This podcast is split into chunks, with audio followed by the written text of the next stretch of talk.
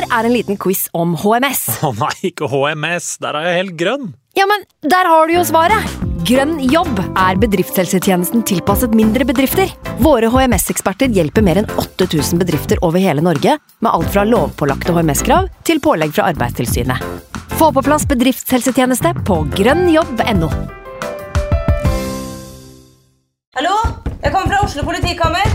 Ine Jansen er purk. Er du purk? The motherfucking bitch. Alt jeg vil, er å finne ut hva som skjedde med mannen min. Jon Carew. Er jeg sikta for noe? Iben Akeli. Det er du. Ole So, Lars Berrum og Big Daddy Karsten. Hvem sin side er du på, egentlig? Anette Hoff, Tone Danielsen, Kommer du fra Afrika? Jørnis Josef, Nesten. Kløfta. Trond Espen Seim, Det er synd å si det, men det var feil mann som døde. Purk. Premiere tirsdag på TV2 Play. Nå har vi starta. Fantasyrådet. Hei, og velkommen til podcast med Fantasyrådet. Fantasy, fantasy, fantasy. Topp 10 og topp 10 Hallo, hallo, og velkommen til en ny episode med Fantasyrådet.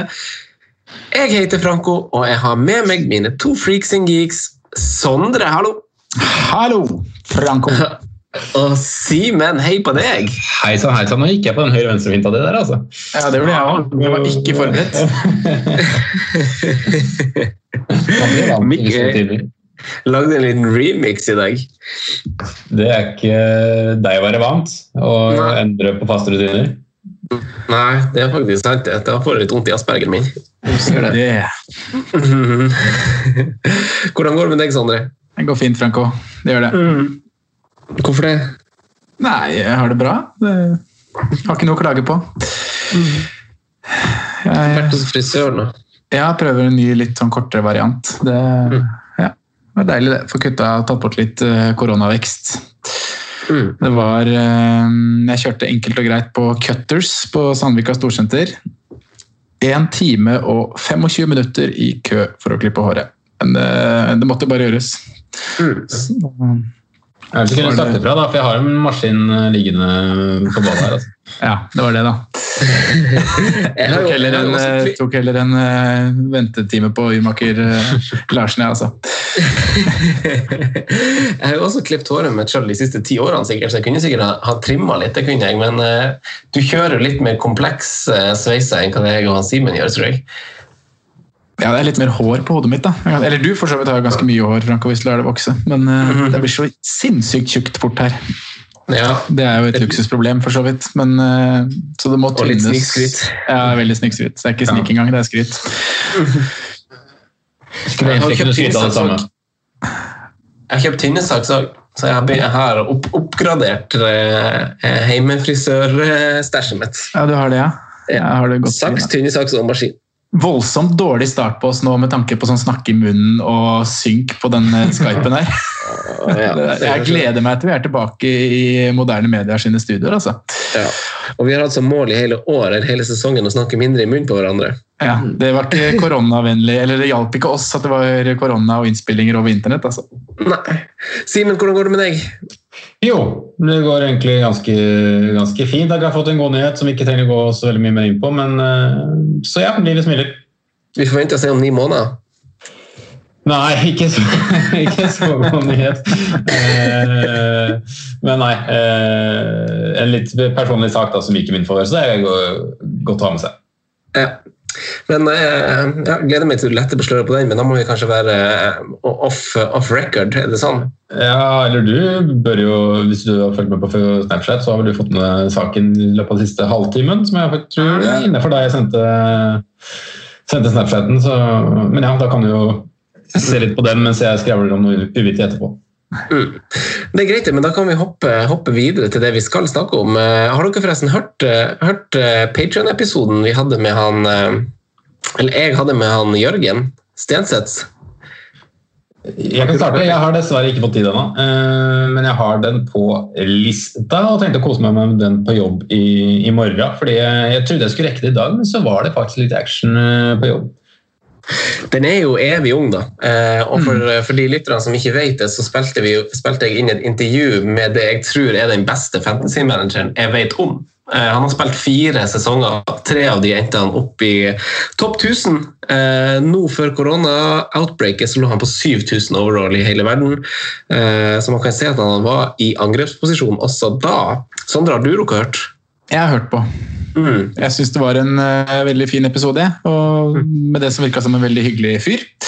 Uh, så det er som du sier, det var bra med en FPL-episode som kan være aktuell lenge. For Det er ikke sikkert alle er like i FPL-modus nå, men det her er jo en eh, episode som kan plukkes opp igjen kanskje neste preseason eh, eller noe sånt, Altså så man kan få litt uh, inspirasjon til eh, strategiske valg. Så det er jo ikke så lenge til heller, faktisk. Neste Nei. preseason. Eh, Så- nei, han delte jo en del strategier. Han gjorde det. Men Sondre, apropos, eh, apropos Premier League og oppstart og preseason osv.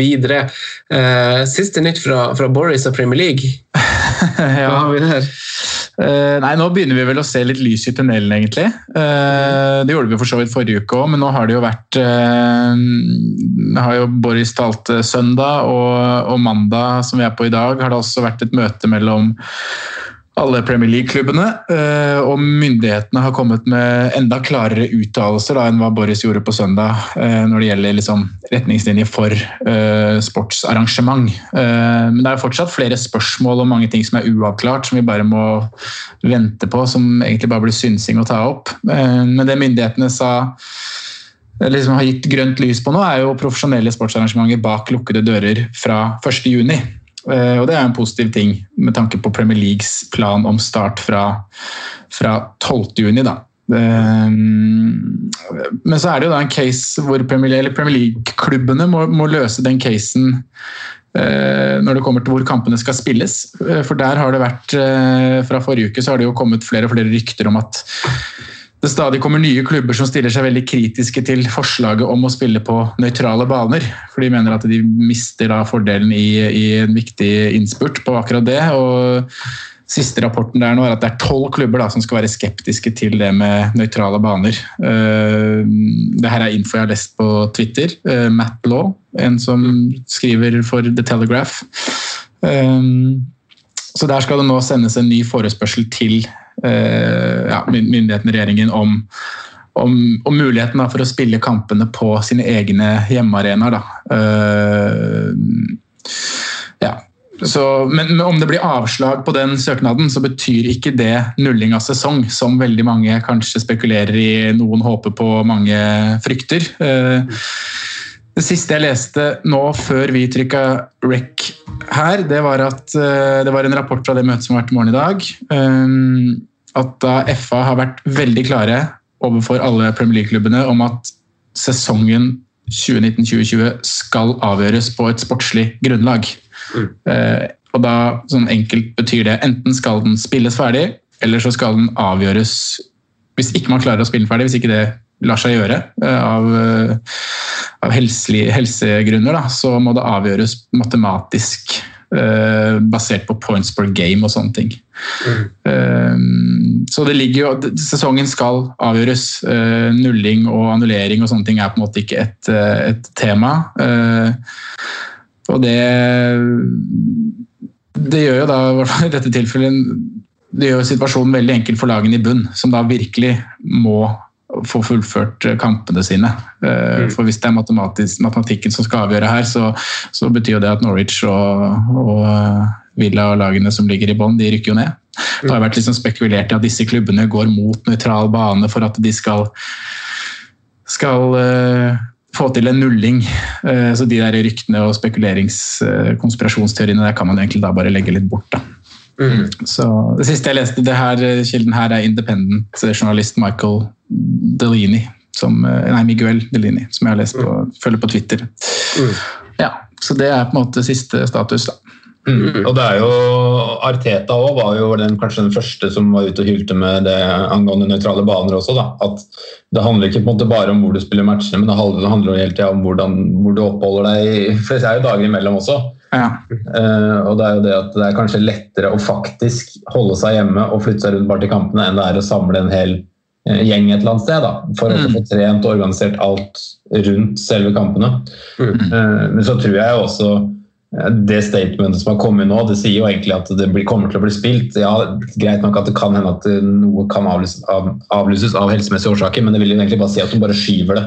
Ja, de kommer det til å skyve det om det skulle være så kritisk om du skyver det til jul, da, for å si det sånn, eller neste år. Altså, det kommer til å bli spilt, da. Mm. Kanskje de lager en slags uh, sluttspillordning for lagene som ligger an liksom De seks-sju nederste lagene spiller om det. Topp fire man, man gjør, Det er mange varianter før matematisk avgjørelse, tror jeg. Ja, tror jeg også. Uh, Så nei, jeg tror vi, det blir fotball. Uh, Spørsmålet er bare når. Så det er jo egentlig veldig, veldig positive nyheter, da. Eh, og så blir det spennende å se hva den her søknaden da, om å spille på egne, hjemme, hjemme, eller egne stadioner, hva, hva utfallet av den søknaden eventuelt blir. Og så var det en annen ting som også ble Øy, ja, Franco. Nei. Nei, det var, det var en ting til jeg leste nå i den siste tweeten her, og det gikk på um, Som skal ha kommet ut fra dagens møte, da. Og det var enighet om uh, Eller i hvert fall forslag, eller om det ble enighet, litt usikker på, men det handlet om det med utgående kontrakter. Og uh, spillere som da har kontrakt som går ut 30.6. For det har vært veldig mye spekulasjoner rundt hva skjer med disse. Uh, skal de tilbake til klubbene sine osv. Uh, og det som ble sagt da, eller som ble skrevet, var at uh, Eh, Spillere som har kontrakt eh, som går ut 30.6, skal, eller kan, eh, fullføre kontrakten i den klubben de starter, spiller i. Da. Men det må være en eh, enighet fra begge sider. Både klubb og spiller må være enig i det. Så Det betyr jo at hvis noen setter seg på bakbena, eh, at man faktisk kan Hvis Pedro finner ut at nei, jeg har ikke lyst til å spille de siste matchene for Chelsea, så kan han på en måte velge å ikke gjøre det. da. Eh, Da blir det jo en, det blir vel en løpende kontrakt at eh, Premier League tillater det. Altså, Ja. En løpende kontrakt til sesongen er over. Ja, til ja. Og det, er ja, og det er også den riktige løsningen, slik jeg ser det. Og så er det jo, så, som Sondre sier, da, at eh, noen kan sette seg på bakbeina, men de aller fleste vil jo kanskje bruke den muligheten til å kanskje vise seg fram på potensielt nye arbeidsgivere også. Ikke sant? Viktig aspekt. Det er noe med det. Uh, ja, det, jeg gleder meg i hvert fall over, uh, over det at det skal spilles ferdig. Det blir jo, vi, vi mister jo EM. Nå får vi i hvert fall uh, litt kveldskamper og pils i sommerferietider, virker det som, uansett. Vi mister ikke EM, vi bare utsetter det. Slapp av. ja. Nei, men vi mister EM denne sommeren. Ja, Mister EM 2020. Ja. Du skjønner poenget. Eh, vi tar oss en, en, liten, en liten teknisk hvil, og så hopper vi over på lagene som er dritten i midten, som er Brighton, Southampton, Newcastle, Everton og selvfølgelig Crystal Palace.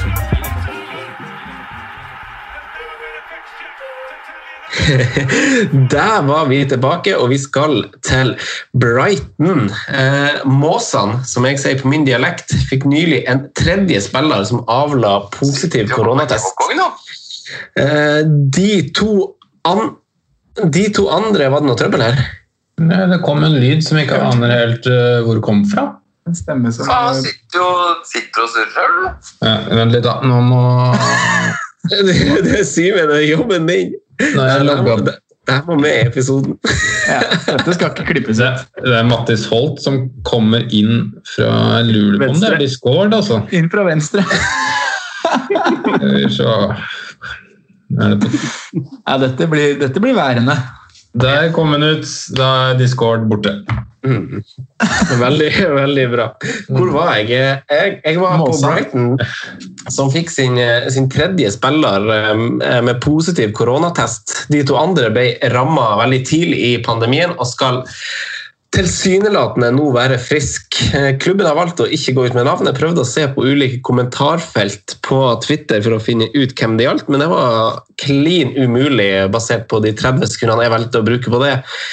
Eh, Men før det her utbruddet av korona så var det faktisk ti kamper siden Brighton tok sin forrige trepoenger. Ingen lag i Premier League har et lengre tørke eller hatt en lengre søken på en trepoenger enn det Brighton har hatt. Eh, De siste seks kampene som, som jeg brukte som referansepunkt også i forrige episode fra Fantasy Football Scouts, trenger jeg ikke gå så mye i detalj på når det gjelder Brighton, for de er et av lagene som ut fra underliggende tall å dømme hadde fortjent kanskje litt bedre enn det de har fått utbetalt. Kun sju lag var over dem på expected goals conceded, mens de hadde en expected goals på 8,20 over de siste seks, men skåra bare seks mål i samme periode. Og, og Potter og Brighton denne sesongen vil nok gå ned i, eh, i trollbøkene, tenker jeg, for, eh, for mange i debutsesongen hans. Eh, Mapai, Connolly, Trossard De vil ikke huske som et positivt fortegn tror jeg, for dem som valgte å hoppe på tidlige formtog eller prøvde å forespeile seg et fint kampprogram. Eh, Sondre, hva, hva, hva er dine tanker om, eh, om det vi har sett av Brighton eh, denne sesongen? Nei, eh, du nevner Mopai der som et eh, troll, og det er han jo for meg. Så eh, han sitter igjen som en sånn liten, liten skade i mitt lag i år, altså. Men det vi har sett av Brighton i år, er jo Det var jo et veldig spennende lag å, å, å følge, med ny trener, det var ny spillestil. Det var, liksom, det var forventninger til at det her kunne enten kunne gå skikkelig skeis, kunne også bli veldig bra, og så har de klart liksom litt sånn middelvei. De er jo Burde jo kanskje vært med i forrige episode da vi snakket om alle lagene som fortsatt har, eh, har en utsatt posisjon. For Brighton ligger på 15.-plass med 29 poeng. eh, to poeng over Westham, Watford og Bournemouth, så er jo på ingen måte trygge. Er, eh, har eh, veldig mye å spille for de, de, eh, de kommende kampene. Eh, og som du sier, ikke en seier på ti runder. Eh, Det er jo nesten sånn at man tenker at en pause var veldig bra for dem. Bare få brutt opp, eh, brutt opp den dårlige trenden. Da. Men så handler det igjen om hvordan man, eh, hvordan man bruker, bruker den perioden her. Og, ja. Så det blir spennende spennende å se hva, hvordan Brighton, Brighton ser ut igjen når det skal spilles fotball. Eh, Men eh, absolutt et lag som Nå har ikke jeg gått i, gått i detalj på kampprogram, men jeg kan eh, Nei da, vi kan, vi kan gjøre det. kan kaste, kaste det opp her og så se liksom første, første tanken min. For det er jo de, de, de har jo en veldig tøff avslutning. United, Liverpool City i løpet av de siste fire matchene, så de burde jo egentlig avgjort ting før det. En nøkkelkamp blir det sikkert der mot eh, Norwich. Uh, og de har jo mange lag som de kan avgjøre det selv mot. Southampton, Newcastle og Burnley blant annet. Så har alltid liksom, de, kan, de kan avgjøre det selv, eh, men da må det ha skjedd ting fra det Brighton-laget vi så uh, spille Premier League-ball i mars. Det som du sier, Brighton har et veldig tøft program eh, i mine øyne. egentlig. De møter en del lag som enten kriger for topp fire eller for å unngå nedrykk. Det er liksom det det ligger i. og Hvis man ser på de samme seks kampene som jeg så på, på, på laget sin statistikk det siste, så, så er det jo ingen enkeltspiller heller som hadde nevne- nevneverdig gode tall fra Fantasy Football Scout. og Sander, du har jo blitt brent med det offensive, og der er det jo Maupai som har helt OK tall eh, over de siste seks, men ser man over hele sesongen, så er det jo kun Raúl, Sala og Firmino som har skutt, eh, skutt mer over hele sesongen under ett. Og man føler kanskje at man ikke helt stoler på Potter, men han, Maupai har jo bare i gåseøyne starta fem kamper på benken. Og så, og så er det jo litt sånn Ser man på når han starter på benken, det var de to første seriekampene, han var ny i klubben. Eh, og så er det jo de to kampene hvor hvor veldig mange eh, dømmer ut fra da, hvor han ble eh, benka i en 3-3-kamp mot Westham, spilte ikke ett minutt og starta på benken etterpå mot Watford på hjemmebane, hvor han veldig gjerne skulle ha spilt eh, og sikkert var skissert inn hvis man hadde han i laget sitt. Eh, Så, så det er jo litt eh, Det er jo ikke så rart at man sitter igjen med litt kjipe følelser for det offensive der. Tross alt har også vært masse inn og ut, men Simen, du vet jeg, du har jo du har jo erfaringer fra, fra det defensive i Brighton, vet jeg. Eh, hvordan, eh, hvordan erfaringer sitter du med, og hva, hva tror du vi kan få se fra Brighton eh, ut sesongen? Nei, altså, man har, Jeg vil jo definitivt skrive under på den kampanjen du nevnte i stad, om at man kanskje ikke har følt seg så heldig hvis man har sittet på Brighton-spiller denne sesongen. her, og I hvert fall når du sitter på en, i en posisjon hvor det kanskje ikke er så lett å bli kvitt folk heller. da. Altså, det, det, det er jo ikke til å legge under en, en stol at man Det er jo keepere man helst ikke vil bytte, det er bare en posisjon man må velge å stå. og Man kan godt trygt si i etterkant at jeg burde bytta keeper tidligere, men jeg har vel stått med Ryan oppimot 100 av sesongen. Uh, og det er jo ikke bra. Ikke det, ikke det hele tatt. Eh, Men jeg, jeg, jeg er enig. Jeg tror Brighton er det øverste laget som risikerer å rykke ned. Og jeg frykter også litt at de kan havne i en, i en bunn, bunnkamp. Og men at som du sier, de må nesten avgjøre før de havner i den, for det er da de har mulighet. Mot, mot tampen av sesongen her så skal de møte lag som eh, kjemper om Champions League-plasser. De skal møte lag som er helt i toppen, som har en helt annen kvalitet enn det Brighton har. Eh, og det er egentlig Jeg også fryktet den kampen mot Norwich, som blir vel da i tredje siste runde.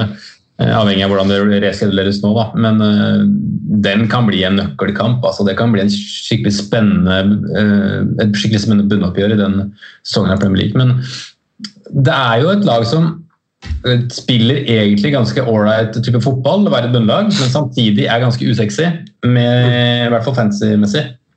Eh, har, man har hele tida drømt om, håpet om eh, duoen kanskje Trossard Mopai. Hatt litt sånn grås-vibes fra de tidligere sesongene, men, eh, men ja, jeg, jeg, jeg ser ikke veldig positivt på å ta med seg masse Brighton-spillere ut i, på ta med seg sesongen. Altså. Nei. Og vi lærte litt av det i fjor også. Ja, jeg er litt enig med deg i det. fordi det, det vi har på en måte lært kanskje gjennom sesongen av akkurat Brighton, er jo at eh, en ting er at de har gode enkeltspillere som klinker til i ny og ne, og det er utvilsomt noe kvalitet der, så, så er det jo en kar bak spaken man ikke stoler helt på, eh, som angriper kamper litt på sin måte og sin tilnærming, som kan føre til at, eh, at eh, den spilleren du har eh, satt litt tillit til, da bare plutselig ikke starter. Eh, nå sa jeg jo at Mapai kanskje faktisk bare starta fem på benken denne sesongen, men Trossard og Gross er jo gode eksempler på det. og, og Web, nei, Webster, sorry. Eh, Han eh, godeste triple captain fra i fjor er jo plutselig ute av laget. og, og det er litt sånn, Han styrer litt eh, på, på sine måter. Han Potter stoler ikke helt på det. Eh, og jeg syns kampene byr meg litt imot, rett og slett. Men det er jo, det er jo liksom et sånt prøveprosjekt også da, som kan på en måte gi litt sånn profitt over tid. Eh, altså, alle visste jo at det kommer til å bli tøft å, å transformere et Brighton til å bli et spillende teknisk eh, lag, selv om man så kanskje muligheter med et par spillere. Eh, først og fremst Grås, eh, kjøp av Trossard, Mopai, eh, låne av Aaron Moy. Altså, det er jo spillere som, eh, som man skjønner er gode med ball og kan gjøre noe, men det tar jo tid å få spesielt kanskje den bakre rekka og mentaliteten i en klubb til å bli offensivt tenkende. Og så endre hele den greia der. Det er det som er tøft. og ja, greit nok, 29 poeng fortsatt med en bunnkamp, men klarer man det, så vil jeg fortsatt si at man har hatt en grei sesong. Man kan ikke forvente så mye mer av, av Brighton, selv om det faktisk så mye mer lovende ut eh, i tidligere i sesongen. da. Mm. Sondre, du da. eh, Det, er jo kanskje primært eh, offensivt vi kikker til på bakgrunn av hvordan motstandere de møter, dersom man skulle velge å se dit. Eh, Mopai har jo stats som fortsatt taler for hans sak, eh, men er det altså Vi har snakka veldig masse om at det er ikke for sent å snu, og det er blanke ark, og at man ikke skal la seg henge opp i, i fortida. Er det tilfellet med Mopai, tror du? Til prisen av 5-7, så er jo det lar deg jo gjøre ganske masse med resten av laget på en innspurt hvor du, hvor du kanskje vil vektlegge midlene litt tungt. Ja, det gjør det jo absolutt. Han er jo fin sånn spiller prismessig. Men uh, her jeg sitter nå, så tenker jeg at eh, det er greit å tenke litt på hva han gjorde før korona, før man eventuelt hopper på det. Uh, og det, det, her blir det litt over til det ja, Stats sier én ting, men hva, hva er det egentlig vi ser? Det, Stats sier at det er en spiller som skyter mye, uh, men hvor kommer skuddene fra, og hva slags skudd er det det er snakk om? Uh, og der har vel kanskje ikke Mopai overbevist oss helt enda. Men det at han er trigger-happy er jo et, han er jo et positivt tegn for en spiss og for en goalgetter. Eh, men det mangler jo det at han får de avslutninger i gode nok posisjoner og, og rett og slett avslutter godt nok, da. Mm. så nei, jeg sier nei takk til hele, hele Brighton, jeg, altså. Så, Men jeg synes du er inne på et ganske kult poeng der. Da, for at Du snakker om at, at statsen på en måte er positiv, men så snakker du også om at man på en måte kanskje må bestå litt den eye-testen, se hvor skuddene kommer fra, hvordan type sjanser det er, etc. Et Men det er jo også mye av grunnen til at folk, folk faktisk har valgt Mopai, tenker jeg. Fordi at han er jo ganske altså Han kan gjøre det vidunderlige. Han, kan, han har eh, Jeg tror mange ser potensialet i han da, til å bli en eh, ha, til å ha en Danny Ings-sesong. For Du ser det glimt ut, det fantastiske langskuddet i en eller annen kamp som jeg ikke husker i farta. Eh, altså, Han har mye av de ferdighetene man ser i en, en Premier League-spiss. da. Ja. Jeg synes De to tingene dere sier nå, setter, setter litt i sammen et godt bilde. Simen, sånn som du påpeker, et fantastisk langskudd. Det er på en måte, Og så sier han Sondre hvor kommer skuddene fra. Det, vi kan på en måte ikke belage oss på, på de skåringene der eh, gameweek in, gameweek ut. og det er noe med at, eh, at For hvert skudd han skyter utfor mål, så, så trekker det jo han i bonuspoeng òg. Ja, men jeg, men jeg, jeg gikk jo for Mopai selv akkurat pga. de tingene der. Da. Jeg syns jo han så eh, det, det var liksom en X-faktor der. Um, men eh, tallene er jo klare med 44 skudd, eh, 33 av de i boks og 18 av de på mål. Så det er ikke helt halvgærent, men det er liksom kvaliteten i avslutningene som ikke er helt der enda da. Og så er det også den bedømmelsen nå, da, som, men det gjelder ikke bare Brighton og, og Mumbai, da, men egentlig alle lagene. Hvor mye har statsen å si de siste seks rundene når vi har hatt en sånn pause som vi har hatt nå? Ikke sant? Mm, eh, Det her var alle hjemmematcher i år, bare sånn for å understreke det. fra Ja. Fantasy Football Scout. Ja. For det er jo liksom det med eh, Jeg tenker jo nesten at motivasjonsfaktoren her er nesten større enn statsfaktoren mot, mot tampen. Og da kan man, ja, man kan lese en del ut av eh, tabellen, men det er så utrolig mye vi ikke kan lese ut av tabellen også. Altså, jeg vet ikke hva, hvor god Graham Potter er til å ha Skype-møter med Brighton-gutta gjennom den måneden her. Men jeg antar eksempel at noen lag er sterkere på den biten der da, og kommer mer forberedt tilbake enn andre. Ja, Helt der var vel faktisk jo- Matt, eh, Matt Ryan ikke sorry for å avbryte, Franco, men Matt Ryan hadde vel det så Ben Dinnery tweeta om han i går, og han sa jo det at han hadde hatt kommunikasjon med, med klubben hver eneste dag. Uh, og han visste enda ikke når de skulle tilbake på treningssenter og sånne ting, da. men det var angående det med kontakt, da, så i hvert fall han ute sa at, at han var i prat med klubben hver, hver bidige dag, og det har den vært fra dag én. Mm. Nei, det, er, det er gode poeng. Jeg er helt enig. Det, man må kanskje se på litt helt andre ting. så Vi må bare ta, ta ståa sånn som den var, og, og se på det, vi, på det vi har. For det er jo litt sånn, På samme måte som vi kan sette oss på og tro hvordan Fantasy løses, Premier League løses, så er det her fortsatt en situasjon eh, verden og Premier League aldri har løst før. Eh, så det blir bare veldig masse spekulasjoner. Men det er jo spennende å se hvordan, hvem som kommer tilbake med en boost, og hvem som ikke trengte denne pausen. Men vi flytta oss et par, eh, par timer vestover i, i buss. Det er ikke langt, uh, egentlig. Uh, en boost mot gode lag i vinter ga jo Hasnyttel uh, et pusterom fra denne bunnstriden.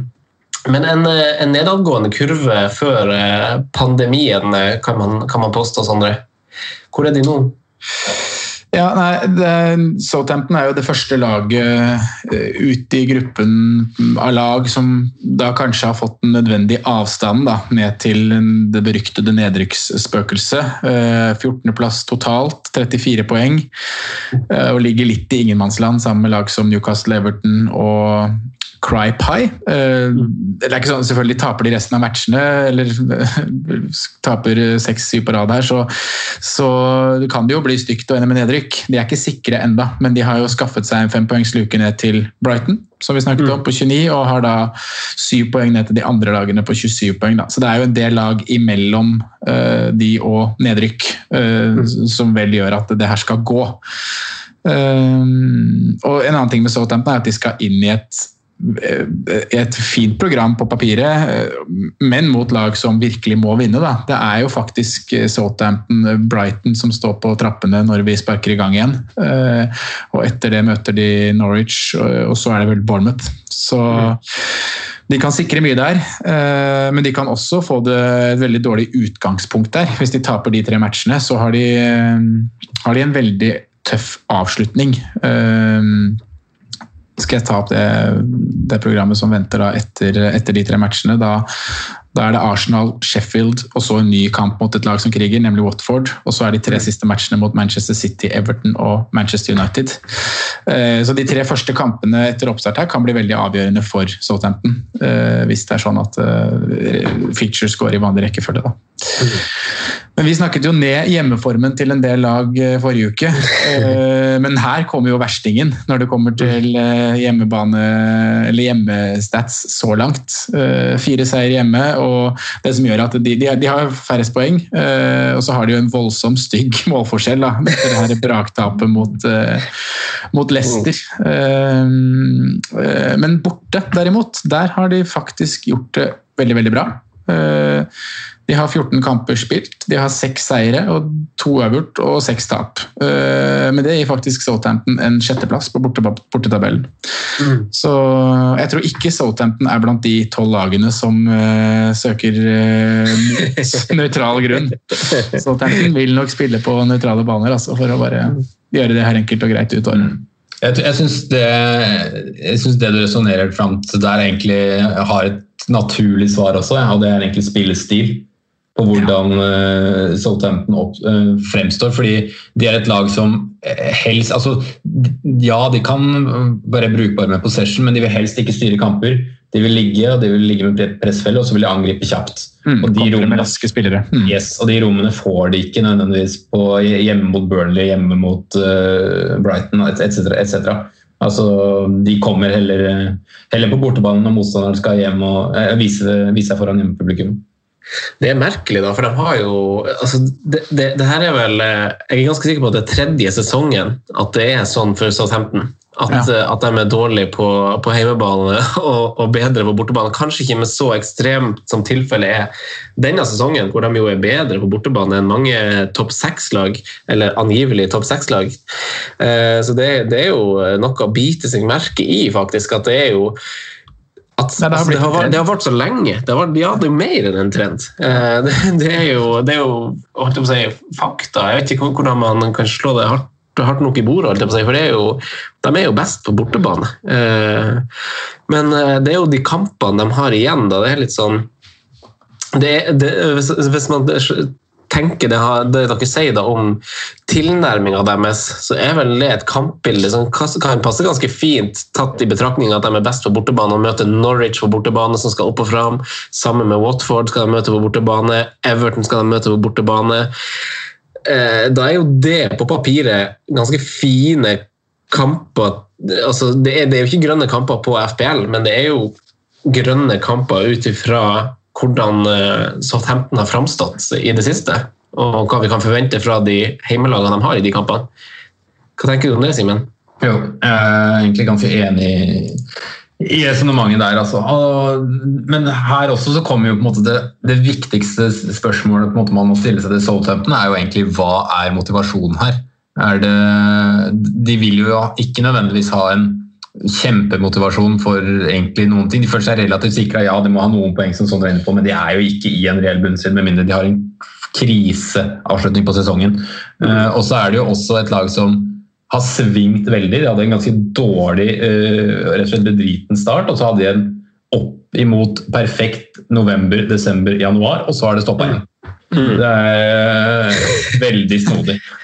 og Husker dere ja. hvem, de, hvem den gode perioden var mot? Altså, det var jo i en periode hvor, hvor man venta på at, at, at, det bare, at vondt skulle bli verre. De møtte yes. jo gode lag hvor de plutselig begynte å vinne kamper. Danny Ings mm. begynte å skåre mål. Uh, og det, det, er jo litt kult at uh, en situasjon ble snudd så masse uten at det ble gjort grep som å sparke trener og, og den type greier. Så jeg tror jo han Hassenhyttel har, eh, har tillit hos eiere i eh, Southampton. Eh, og Jeg har egentlig litt trua på Southampton, det merker jeg bare gjennom praten vår her nå. Jeg syns fakta som dras opp, er greit, egentlig. Hva tenker du, Sondre, før vi hopper til neste lag? Nei, den At de ikke sparka Hasselhyttel, det er jo et eksempel til etterfølgelse fra, og etterfølge fra mange andre Premier League-klubber. For de sto jo veldig ved han og ga han tillit selv i den tøffeste perioden der. Så, så det var veldig kult. Eh, og i hvert fall at de fikk gevinst for det. Mm. Eh, når det kommer til motivasjon, så tror jeg jo at motivasjonen må egentlig være at de må bare gå knallhardt ut nå etter pausen. Og de tre første kampene blir meget avgjørende på om de har noe å spille for eller ikke.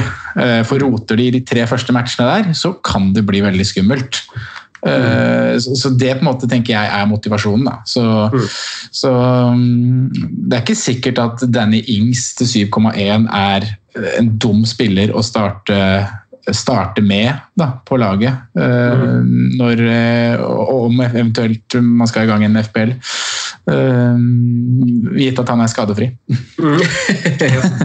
Nei, jeg er helt enig. Det, det, det, er gode spørsmål og gode refleksjoner fra dere nå, gutter, syns jeg.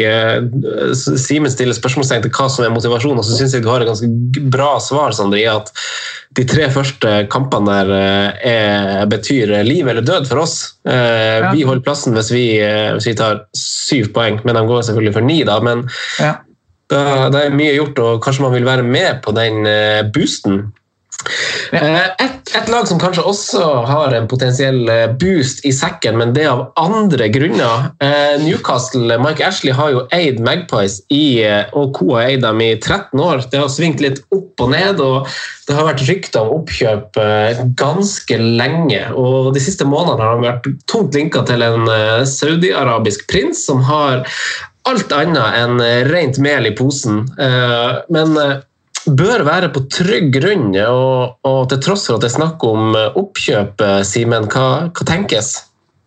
Nei, jeg- det er godt du ikke innleda med at jeg skulle synse noe om det potensielle oppkjøpet og Mohammed bin Salman og den pakka der. Den syns jeg du kan høre i andre podkaster, men, eh, men det er jo altså Man skjønner jo på en måte både tanken av optimisme og alt pepperet som kommer fra andre kanter også. Det er en vanskelig situasjon tror jeg, å være, være Newcastle-supporter, for man glemmer fort hvordan man ser på City, uansett hvordan eiere de også, også har. Da. Så man får la de andre podkastene ta seg av det. Men, men Newcastle er jo nok eh, kanskje en av de landene som jeg tror var litt eh, hadde litt dårlig timing med at eh, det oppkjøpet kom, og var litt som eh, en litt, liten sånn opptur eh, på tampen her, selv om det var mye U. Så, så Newcastle også er jo et lag som egentlig eh, jeg føler ligger i den motivasjonsbobla. Det gjør egentlig alle lagene vi går innom i dag, så det kan egentlig droppe å, nevne kanskje motivasjon så mye nå på, på tampen, men det er jo et lag som eh,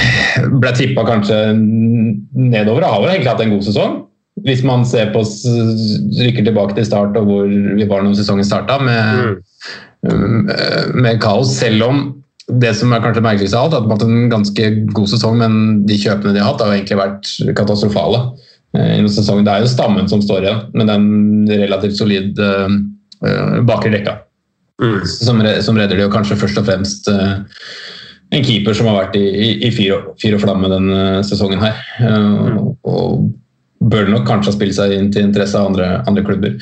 Men, eh, men Newcastle offensivt det er jo, det er jo alltid wildcardet, da. Saint Maxime. Som eh, er en fryktelig attraksjon og en kul fotballspiller å se på, men eh, du veit jo aldri når. Og det er en fyr, fyr som faktisk passer bedre på YouTube enn 90 minutter uke inn og uke ut. Men uh, Jo Linton har sett krise ut. Nå er det jo uh, en Andy Carroll da, som, uh, vært, som alltid har vært mye skada, men kan jo hende den pausen som har vært nå, har gjort at han er tilbake til når vi skal starte opp igjen. Ja, eh, altså, det, altså Som vi var inne på i forrige episode, eh, med, med Tottenham og Villa ble nevnt, selv om vi ikke gjennomgikk Tottenham da, så mista jo også Newcastle en sentral spiller før pausen i, i keeperen deres. Og han er jo kanskje den viktigste spilleren for eh, deres lag. Eh, så det kan jo også, sånn som for Tottenham og Aston Villa, ha vært litt sånn hell i uhell med, med to måneders, tre måneders avbrekk og å få, få han inn igjen.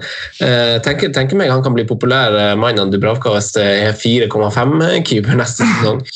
Men Maxi Mann, ja, Sondre, han er jo en spennende mann som var han var jo en populær spiller, og jeg tipper jo ganske, eller noen lyttere har han faktisk kanskje på laget sitt fordi han viste en fin form før, eh, før pausen. Delt fjerdeplass på store sjanser skapt faktisk over de siste seks før, før pausen.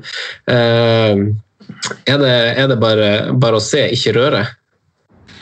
Ja, for, ja, i mine øyne er det jo egentlig det, da. Men øh, det kan hende kampene kan passe litt, da. Hvis man tenker at de møter Brighton, de møter Villa, de møter Bournemouth, de møter Westham, som alle må opp og fram og, og skåre mål for å, for å holde plassen, så kan Maximæ kontre litt, øh, kontre litt på disse lagene. Tja. Jeg kjøper ikke den, men øh, noen må gjerne kjøpe den hvis- de har lyst. Eh, Jeg tenker eh, jo at det er eh, nei takk til hele linja, jeg da. Eh, Det er viktig for de å få tilbake Dubravka i trening, eh, nei, i kamp, så sånn sett så kom kanskje pausen beleilig. Eh, Almiron hadde en liten sånn liten tur opp der og leverte noen skåringer. Det var vel mest egentlig i cuper, fikk vel egentlig bare én skåring i Premier League. Eh, Men eh, han nå har jo, det er jo Han skårer jo ikke mål, selv om han kan se, se meget, meget bra ut. Men eh, ja, nei, så sånn sett så så er det styr unna over hele linja i Newcastle for meg. Altså. De kommer til å cirka der de er. Tenk å være Steve Bruce, og så skal du ha en Du, du, du veit jo på en måte tankegangen, eh, utgangspunktet, at du skal ligge og mure igjen og så ta de sjansene du får. Og så er det de tre offensive du skal stole på, som skal ha bruke den ene sjansen. Det er Jo Linton, det er Almiron og det er Sant Maximin. Ja. Altså, Skjønner jo hvis han har søvnproblemer. Selv om jeg hadde ridda, til, til og med jeg hadde ridda med håret pga. det. Det- Men det verste av alt er jo at det er du ser jo et åpenbart potensial i Almiron og Saint Maximin som som 5-4 og 5-8. Fin pris. Tenk hvis de hadde hatt sånn, det, det er åpenbart at de individualister også skorter på, på ganske viktige ting. Men hadde de hatt en, en spiss der som, som oste litt selvtillit, som var trygg med ballen, som man kunne stole 100% på, på en måte fikk han i mål også i ny og ne, så hadde det kanskje vært annerledes ramme, men eh, altså, det, er, det er jo bare usikkerhet eh, på siste tredel. Eh, lyser lang, lang vei. Eh, men Ja. Ja, du oppsummerer det greit der. skal, skal, Simen, vil du avslutte laget du starta med Newcastle, og så tar vi oss en liten pause igjen og tar de to siste lagene? Eh, mente du at jeg skulle avslutte med noen ord? Ja, hvis du vil. Det, det, altså, du, må ikke, du, må ikke, du må ikke finne opp eh, kruttet på nytt. her. Du kan bare Nei, jeg tror ikke man gjør det. Jeg tror ikke man gjør det med Newcastle, Newcastle, men jeg kan egentlig bare anbefale å høre episoden til Pyropivo om på mulige overtakelsen. Den er verdt å få med seg. Veldig bra. Jeg har tenkt å spørre deg. Pause? Ja. Ja, eh, jeg tenker jo også i dag Ute, at vi kjører sånn som vi valgte å avslutte forrige episode, at vi må, må velge en fra hvert ledd fra puljen lag vi har vært igjennom. Eh, runde av episoden sånn. Eh, bare sånn at dere kan begynne å tenke på det nå når jeg skal inn i Everton-praten min eh, her. Eh, for Everton et veldig, veldig åpenbart eh, hjemmelag. Sondre, du var innom Southampton tidligere og sa at de var på sjette på bortetabellen. Everton er på syvende på hjemmetabellen. Eh, selv om de hadde tre kamper før pausen uten seier, så var de i en veldig fin flyt før det. Skårer relativt greit med mål sammenlignet med, med lagene rundt seg på tabellen. Eh, Dominic Helvert-Lewin for eksempel, han har jo kun fire blanks de siste elleve kampene. Han kunne hatt mange mange flere poeng enn hva det han har hatt. Eh, Det han har fått, eh, unnskyld, i kjempeform, og kanskje en ubeleilig pause for han. Så spørsmålet er jo har han tatt steget, eller har han nå mista momentum når det sparkes i gang igjen? Har han vært på, på litt sånn eh, motegoogling og liksom sittet i cribben sin og bestilt klær på, på døra og bare kjørt en liten catwalk i egen stue med Tom Davies der? Det, det er vanskelig å si. Men kun Firmino hadde flere store sjanser de siste seks kampene, og bare Sala hadde flere skudd enn eh, Calvert Lewin sine 20 i boks de siste seks. og Firmino igjen, eneste spilleren med høyere expected goals. Eh, Så, spørsmålet mitt til dere, eh, sett på at Everton har et ganske fint kampprogram på slutten. Eh, De var lenge skissert inn eh, i, i, i mitt lag. Eh, Er det en spiller man bruker nåværende bytter på, Sondre, å få, få inn? Ja, det er jo litt hva det går på bekostning av, men står selv med Dominic Calvert-Lewin og tror jeg står fint med Dominic Calvert-Lewin.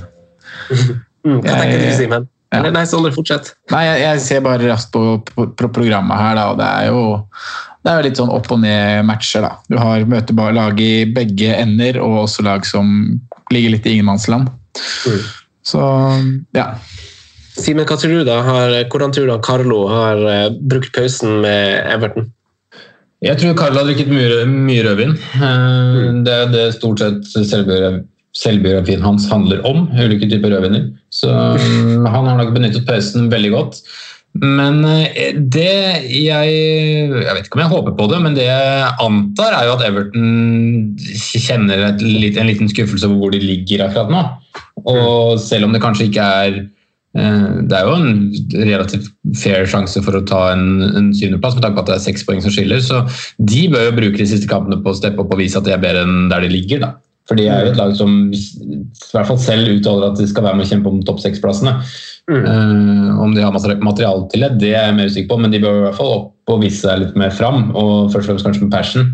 Eh, og så jeg syns jo for så vidt, selv om eh, Everton hadde litt sånn svingende form, at de har vist et, et ganske gode tendenser under Carlo. Til, eh, I hvert fall til å ha et litt mer systematisk angrepsspill.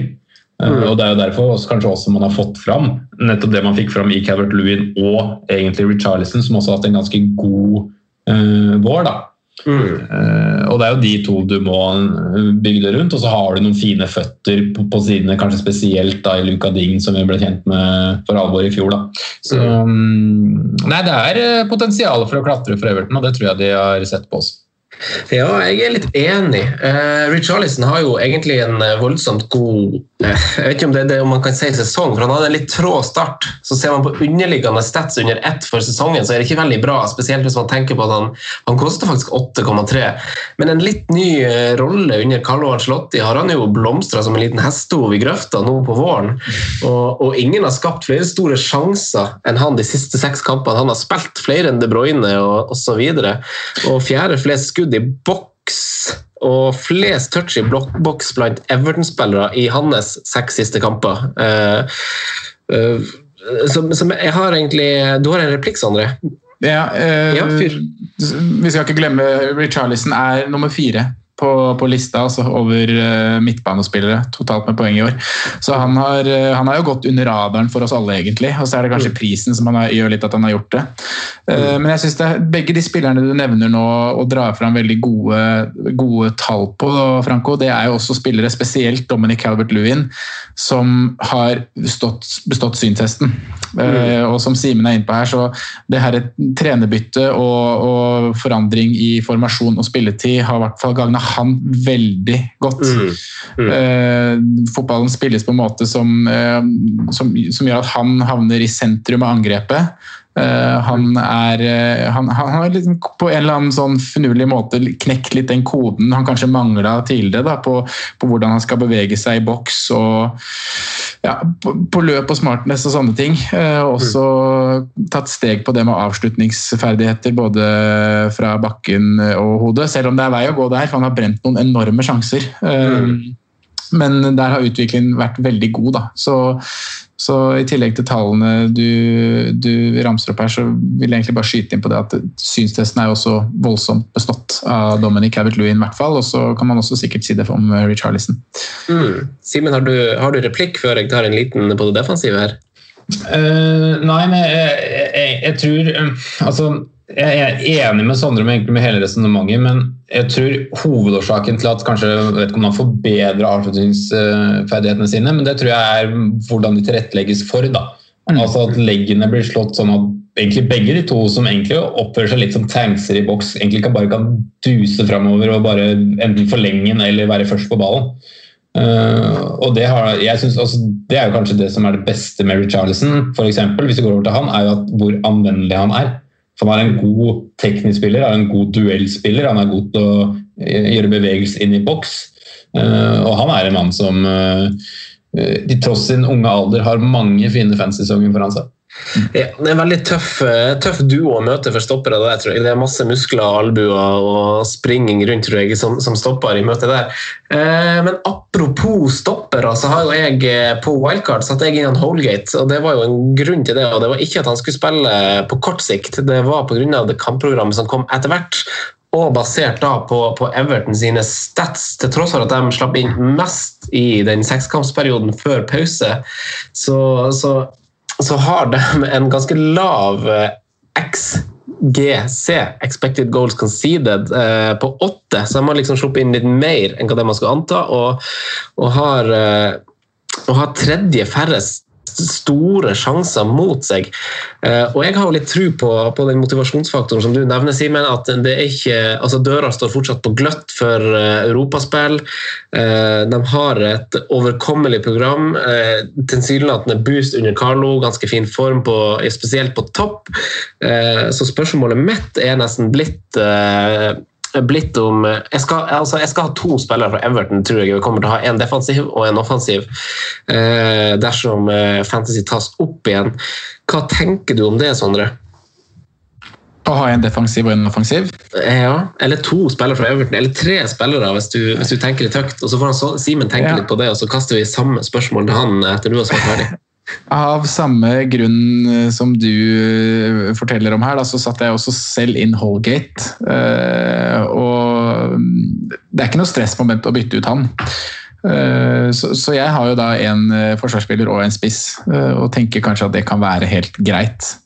Det har litt å si hvordan fictures legges opp. Skal de spilles i samme rekkefølge som de står? For da er det egentlig en ganske grei start, bortsett fra den Liverpool-kampen i kall det runde to, da, etter oppstart. Eh, Så er det Sheffield, Norwich og Bournemouth som følger etter der. Eh, Eh, Tre av fem kamper hjemme. Det er jo også en fordel i og med at de er nummer eh, syv eller eh, ja, nummer syv på hjemmetabellen. Så nei, jeg, jeg er positiv til Everton, jeg også, egentlig.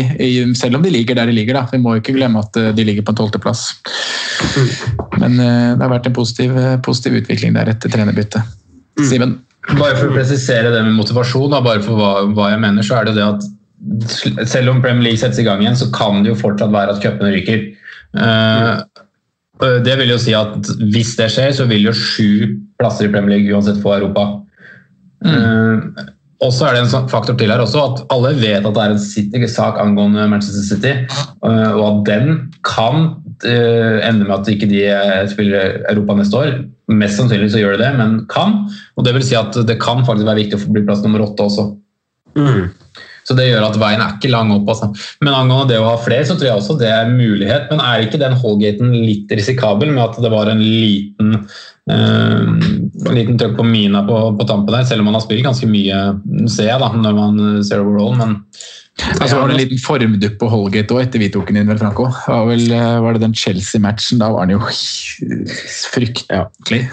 Ja, og det blir jo litt sånn synsing fra, fra Ja. vår side, for det husker jeg vi snakka om i podkast, at, at det var litt sånn ekkelt hvor, Ja. hvor dårlig han var i den kampen. Eh, Men samtidig så har han jo Han har vel, eh, tror jeg for mange Everton-fans, ikke vært en standout-spiller, for det har han på ingen måte vært, men han har spilt seg liksom inn i det laget, da, og fordi han har litt andre ferdigheter enn kanskje, enn kanskje Jeremina og de gutta der. Og, og til og med liksom Carlo Ancelotti var jo sa at han kan spille defensiv midtbane og høyreback ved behov. Eh, Så ganske anvendelig spiller som han føler seg litt trygg på, tror jeg, da. Eh, Så jeg, jeg syns ikke det er dumt at jeg sitter med han i laget mitt, det gjør jeg ikke. Men uh, det er jo aldri kult å se en spiller i troppen din gjøre en litt dårlig, eh, litt dårlig opptreden. Være ræva. ja. Ok, vi, ja, vi, vi ser på det. Du kan jo trygt si at jeg synes det er et godt eh, poeng å understreke at han har litt andre ferdigheter enn de andre stopperne der. Det er mildt sagt. Ganske mer, eh, han, han er ganske mye bedre i aerobiktimen til Kari Jakkesson enn eh, Jeremina han der. altså. Oi. Michael Keane i den Robek-timen, da. Åssen er han? Ja, jeg tror det er godt, han er et godt stykke midt imellom. Hva, hva de gjør i de aerobic-timene, mener du, Simen? Nei, jeg- Jeremina er jo ganske atletisk. Ja, det, det er enig men jeg- nå tenkte jeg kanskje det var litt dårlig formulert, da, men han er, eh, er nok mye kjappere til å flytte seg fort på korte flater. Ja. Og kanskje, kanskje, han, ta- kanskje han hadde mindre utfordringer med å takle og ta minimerket og sånn, eh, kontra Jeremina. Stepping og linedance. Er det, det, er, det, er, det er godt som du sier, han er veldig rytmisk og, og, og, og hva skal vi si, akrobatisk, godeste Mina, men han er ikke fryktelig kjapp på de første meterne. Nei, det er han kanskje ikke. Eh, nei, Jeg kikker i hvert fall eh, litt til Everton som det står akkurat nå. Eh, om det kan bli tre, det lurer jeg på om det er litt tricky å få plass til. Eh, litt da også med referanse til eh, lag vi snakka om forrige episode, men også lag vi kommer tilbake til. For det er jo noen lag som har en dobbel som heter god å spille, eller ikke en dobbel, men de har en kamp mer i Arsenal City og, og Sheffield United og, og Aston Villa. Så jeg lurer liksom på om den sånn overskuddsplassen må gå til, eh, gå til en sånn type spiller som har en kamp ekstra. da. Eh, Om det er, om det er Fleck eller McInn eller noe sånt frekt, det er jeg sånn usikker på. Men eh, Jack. ja, ja, Jack, ja. Jeg tror rett og slett ikke det er plass. Skal vi fly av gårde til Croydon, eller gutta? La oss gjøre det. Hodgson han er jo forlenga, og, og de kan jo si faktisk å være i flytsonen før pause, så kanskje litt kjipt eh, med, med korona for deres del. Eh, hvordan tror du Sondre, at veien går, eh, går videre for Crypie? Nei, det er jo et godt spørsmål. da. Vi, vi skulle ikke snakke så mye om motivasjon, men Palace er jo et av lagene jeg virkelig er spent på. For ståa der er jo en veldig, eller meget respektabel ellevteplass. De har 39 poeng. De har veldig god margin ned, som selvfølgelig har vært et mål. De vil jo alltid liksom sikre seg plassen først, og så tar vi det vi klarer deretter. Eh, Men sånn poengmessig nå, så er det jo eh, veien opp til topp seks er ikke lang, og som Simen er inne på her, så har du liksom en syvende- og åttendeplass som også kan gi Europa. Hva tenkes rundt det? Eh, så de står liksom plassert eh, i midten. Eh, kunne kanskje ønske at det hele var over, tenker jeg. Det hadde vært helt greit for Palace å bare Ja, da er vi ferdig med sesongen. Det, det går Det var greit. så kjedelig. Ja, jeg tenker nesten det, altså. Eh, ja, så, så sånn Vært et veldig stabilt lag, da, kan man si. De har tatt poeng Tolvteplass på hjemmetabellen. Åttendeplass på bortetabellen, så litt bedre borte enn hjemme.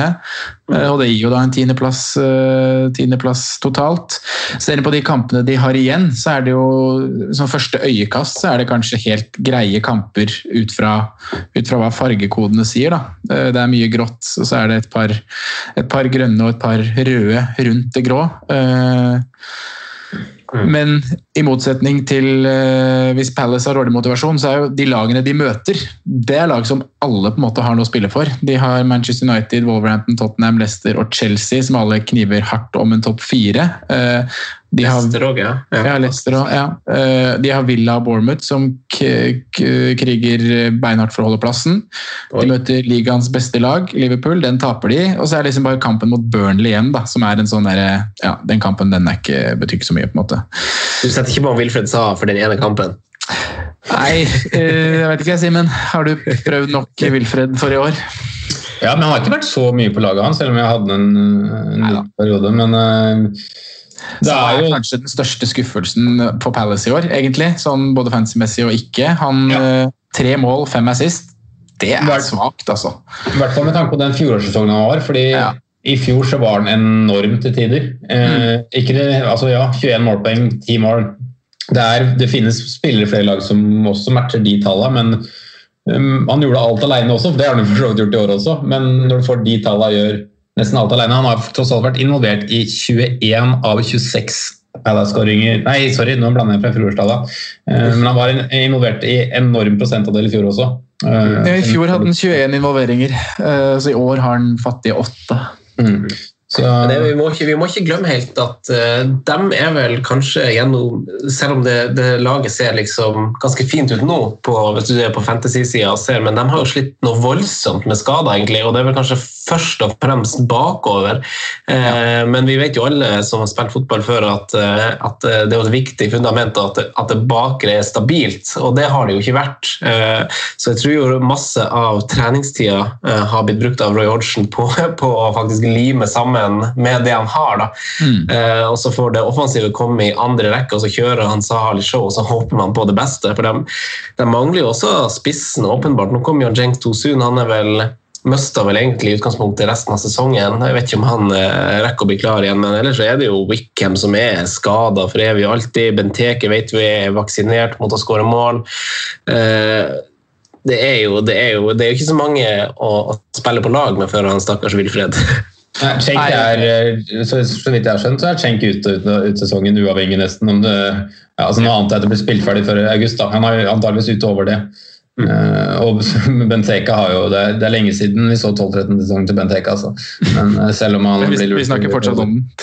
Han hadde jo noen gode sesonger etter det òg, men den 12-13-sesongen var helt latterlig, eh, faktisk. Og da Det er synd, da, fordi det er en spiller som eh, ja, som var ganske kul til å være en tank, syns jeg. Han hadde ganske mye, mye med seg. Men jeg, jeg, blant de lagene som vi har vært innom i dag, så tror jeg mm, Crystal Palace, eh, kanskje sammen med Newcastle, er de to lagene som kommer til å slite mest med motivasjon ut sesongen. Jeg synes du har et veldig godt poeng. Det er bra at du drar opp det med skadesituasjonen der, eh, Franco. Eh, For det har vært veldig mye rør bak, spesielt bakover, da. stopper ut og inn, og også på bekkene. Eh, Og igjen da så syns jeg jo plasseringen Palace har eh, ligger på nå, er veldig imponerende. At de har klart å komme seg på en 11.-plass, har 39 poeng, har sikra plassen selv med de Eller alt det trøbbelet de har hatt, da. Uh, og da at en så sentral spiller som Wilfred Saha bare har levert åtte målpoeng. Uh, vi har jo Ayu der, da, som på en måte, hvis man skal snakke sånn fantasy-messig, hva er det vi har vært på tidligere og hva kan være aktuelt framover, så er det jo det har jo vært noen billigspillere. Eh, Kelly var fra start en populær mann i forsvar, 4-0. Eh, og så var det Ayu, som periodevis har vært liksom på perrongen eller litt Man har rørt seg litt inn på bakerste vogn der, og så kanskje hoppa før, før det gikk for fort. Eh, han har jo åtte skåringer, eh, to er sist, og sånn prismessig så har han jo Det er jo bra i forhold til prisen. ja, vet jeg det. Prismessig så er jo det, det er jo veldig respektabelt til en startpris på fem blank. Problemet med en sånn spiller er at du aldri på en måte bruker den. Du får den bare de gangene den ene spilleren din er skada eller suspendert eller ikke blir tatt ut. Et eller annet skjer med troppen din. da. Så, Ja. men, men du kan jo ha vært heldig og fått den inn tre ganger og så har den skåret i etterkampen, og da er du på en måte godkjent til en spiss uh, som starta på fem blank. Vel? Mm. Jeg starta på fem blank, det er helt riktig. Og det er, det er jo litt sånn strategi, det der, da. Jeg hadde aldri hatt en spiss fem som jeg ikke skulle bruke, på en måte. Da føler jeg litt er 0-5 kasta bort, eh, selv om han spiller. Eh, Men han er jo faktisk en man kunne hatt til fem blank og så bare spilt. Sånn sett i ettertid, da, for han har jo så å si hatt 90 minutter hver eneste match. Eh, og så hadde man brukt pengene man hadde tjent, denne millionen man hadde spart på noe, på noe annet sted. da. Jeg var veldig nært å sette han inn en gang i jula, husker jeg. Mm. Eh, sto, jeg vet ikke om dere husker det, men jeg diskuterte det vel med dere. at det, Da var det jo, Man havner i de fantasy-dilemmaene noen gang med, med to spillere man skal ha. Skal jeg ha han og han, eller han og han? Og så veier man litt fram og tilbake. Men det endte med det andre valget. ble Men, han og han han. har- ja, det ble han andre og han andre. Ja. Eh, Men det, det, det blir spennende å se hva Pelles finner på. Jeg hørte jo den episoden han, Kasper Wikestad hadde med Alexander Sørloth, og han ser jo ikke for seg å spille i Pelles igjen. Eh, sa han bare, sa han bare åpenhjertig. Ja, deilig med Så ikke for seg noen retur. Ja, det, det er artig med sånne spillerintervju. han skal vel på Bernabeu neste år, skal han ikke? han? Og Martin, ja. Ja, det, å, det stemmer. Jeg, så ikke, jeg husker ikke hvem som postet det, men jeg så en tweet i dag. De ti mest søkte spillerne på Transfermarkt eh, globalt. Der var selvsagt Erling Braut nummer én, men på topp ti der var Alexander Sørloth. Det var Kult. det. Ja. Det, det er ganske snasen for en spiller som eh, om ikke er fast på norske landslag engang. Ja. Skårte masse ved Glimt, da. Ja, han skåret mye for Glimt og hadde vel, var det i Belgia òg. Han dunka, dunka kasser, og nå gjør det i, i Tyrkia. Så det er jo en spiller som bare må finne eh, det nivået, det høyeste nivået han kan briljere på. For det er jo tydelig at det er høyere enn både, både i Belgia og i Tyrkia. Men kanskje at Premier League er hakket for stort? Da? Jeg, jeg vet ikke. Nei, en veldig riktig fin- klubb og riktig spillestil, episode. Ja, det er akkurat det. Det er, akkurat det. det, er det han sier sjøl i episoden med han Kasper. Han svarer egentlig veldig fint på det, at det liksom passer ikke han å spille, spille sånn som eh, sånn som Pelles velger å spille. da. Det må være litt eh, et lag som vil, vil opp og fram og skåre mål. Eh, Man, man får ikke selvtillit som spiss med den spillestilen der. Man får liksom ikke mulighet til å få det.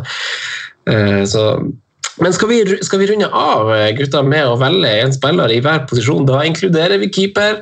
Ja. Og, og er det noen av dere som er klar med et valg på keeperplass på disse fem klubbene vi har vært igjennom, hvis dere skal velge en keeper? Husker dere hvem Vi valgte Foster alle sammen i, i forrige pulje, gjorde vi det? Ja. Må gjerne veie denne keeperen her opp mot eh, valget fra forrige pulje og se om han kommer over Mm. Ben Foster, for der husker jeg vi alle valgte Foster. Ja. Er det noen som er klar?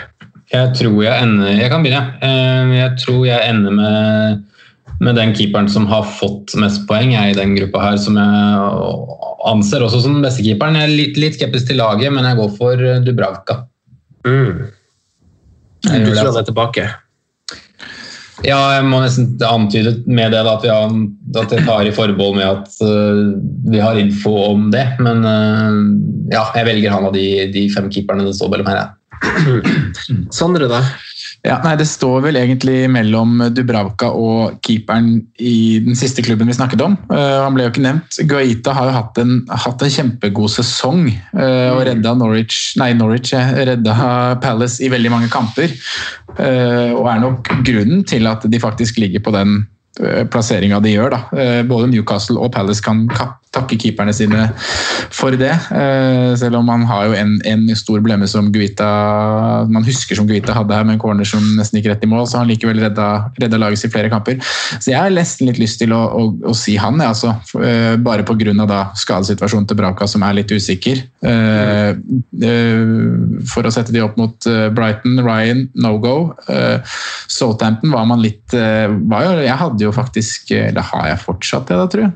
Nei, Jeg Alex? jeg kasta vel Alex på wildcard, men der også er, var det en spennende og billig vei å gå. da. Men igjen så er jeg litt usikker på hvor de er så motivasjonsmessig. Og Pickford øh, orker jeg ikke. Har ikke plass. Så jeg sier faktisk Goita. Pickford er på kortet ennå, ja. Ja.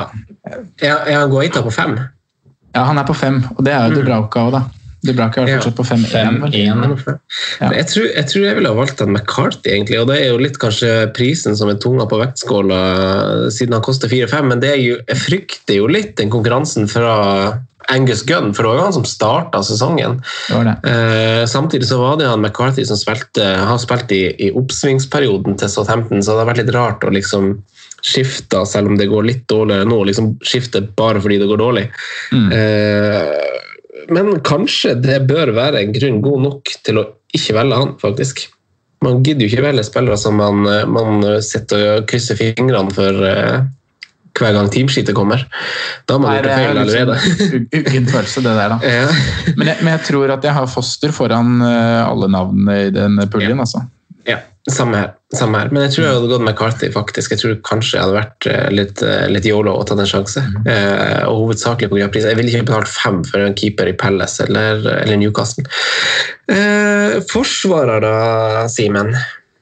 Eh, Jeg går eh, det laget jeg har mest troa på motivasjonsmessig. og Så kan man få med seg litt bonus, satse på at han kanskje har en god, god avslutning. Det er en mann med veldig fin venstrefot, og den, han heter Luca Ding. Ja. ja. Den er fin. Han er dyr, da. Ja, han er dyr, det er det som er. Sånn, Sondre? Ja, nei, jeg syns det er et veldig godt valg. Eh, så sier jeg kanskje bare sånn fordi at jeg tror ikke at det er plass til han sånn prismessig, fordi jeg skal ha andre spillere som også er dyre, og da går jeg Holgate.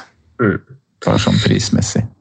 Ja, jeg tror også jeg, også går, jeg eh, jeg tror også jeg går Holgate. Eh, Litt sånn usikker på høyrebacken. CDB var jo veldig god en periode og spilte litt out of position, som Richarlison gjør på topp. Så spilte jo han litt på kanten en periode. Mm. Men så er det jo Coleman som, som lusker der. Og igjen, det er liksom uttrykt nok. Eh, hvis man ser på historikken med minuttene til Holgate, det er litt sånn inn ut, inn ut, og vi vet hvem det går på bekostning av, så det blir Holgate også her. Men da skal vi til Everton, eh, begge tre.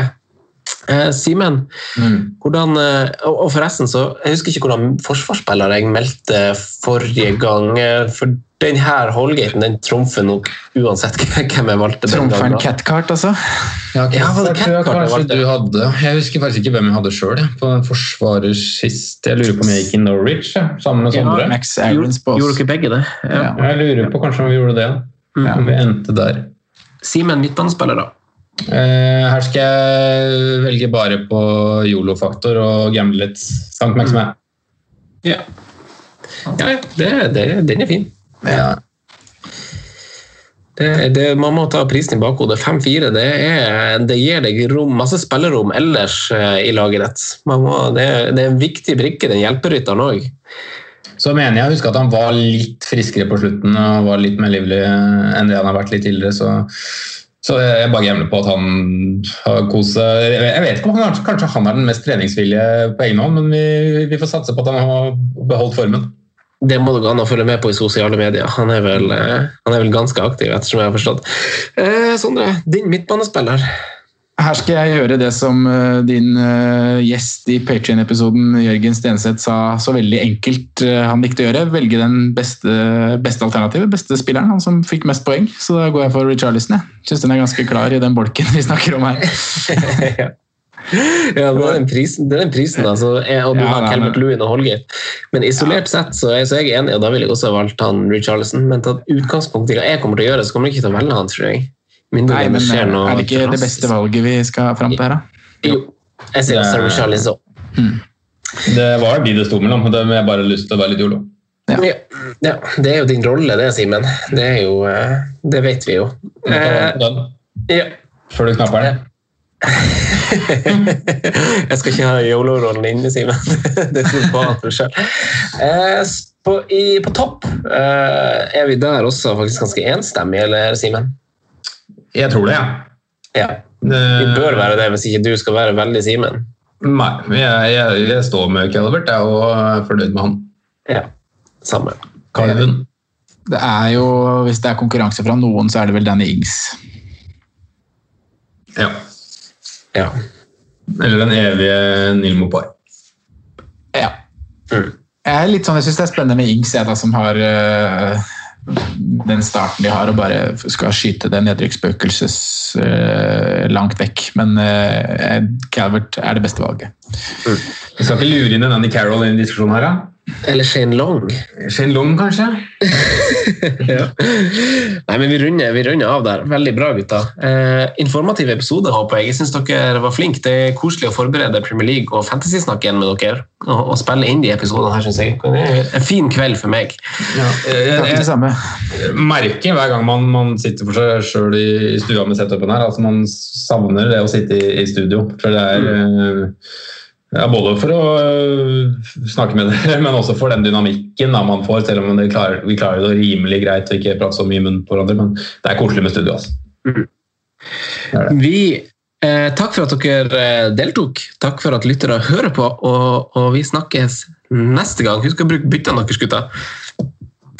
Ja. ja. Og følg med på eventuelle nyheter da, som skal komme fra Fancy Premier League. Det burde jo komme noe nå før siste runden på hva som egentlig skjer videre. Å, jeg håper det, håper det, håper det. Ja. Greit, det. Ha det. Ha det. Takk for at du hørte på vår podkast. Vi setter stor pris på om du følger oss på Twitter, Instagram og Facebook. Vi er fans i rådet på alle mulige plattformer.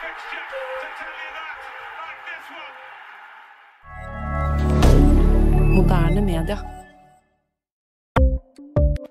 Ukens annonsør er Folio, en smartere banktjeneste for deg som har en egen bedrift eller ønsker å starte for deg selv.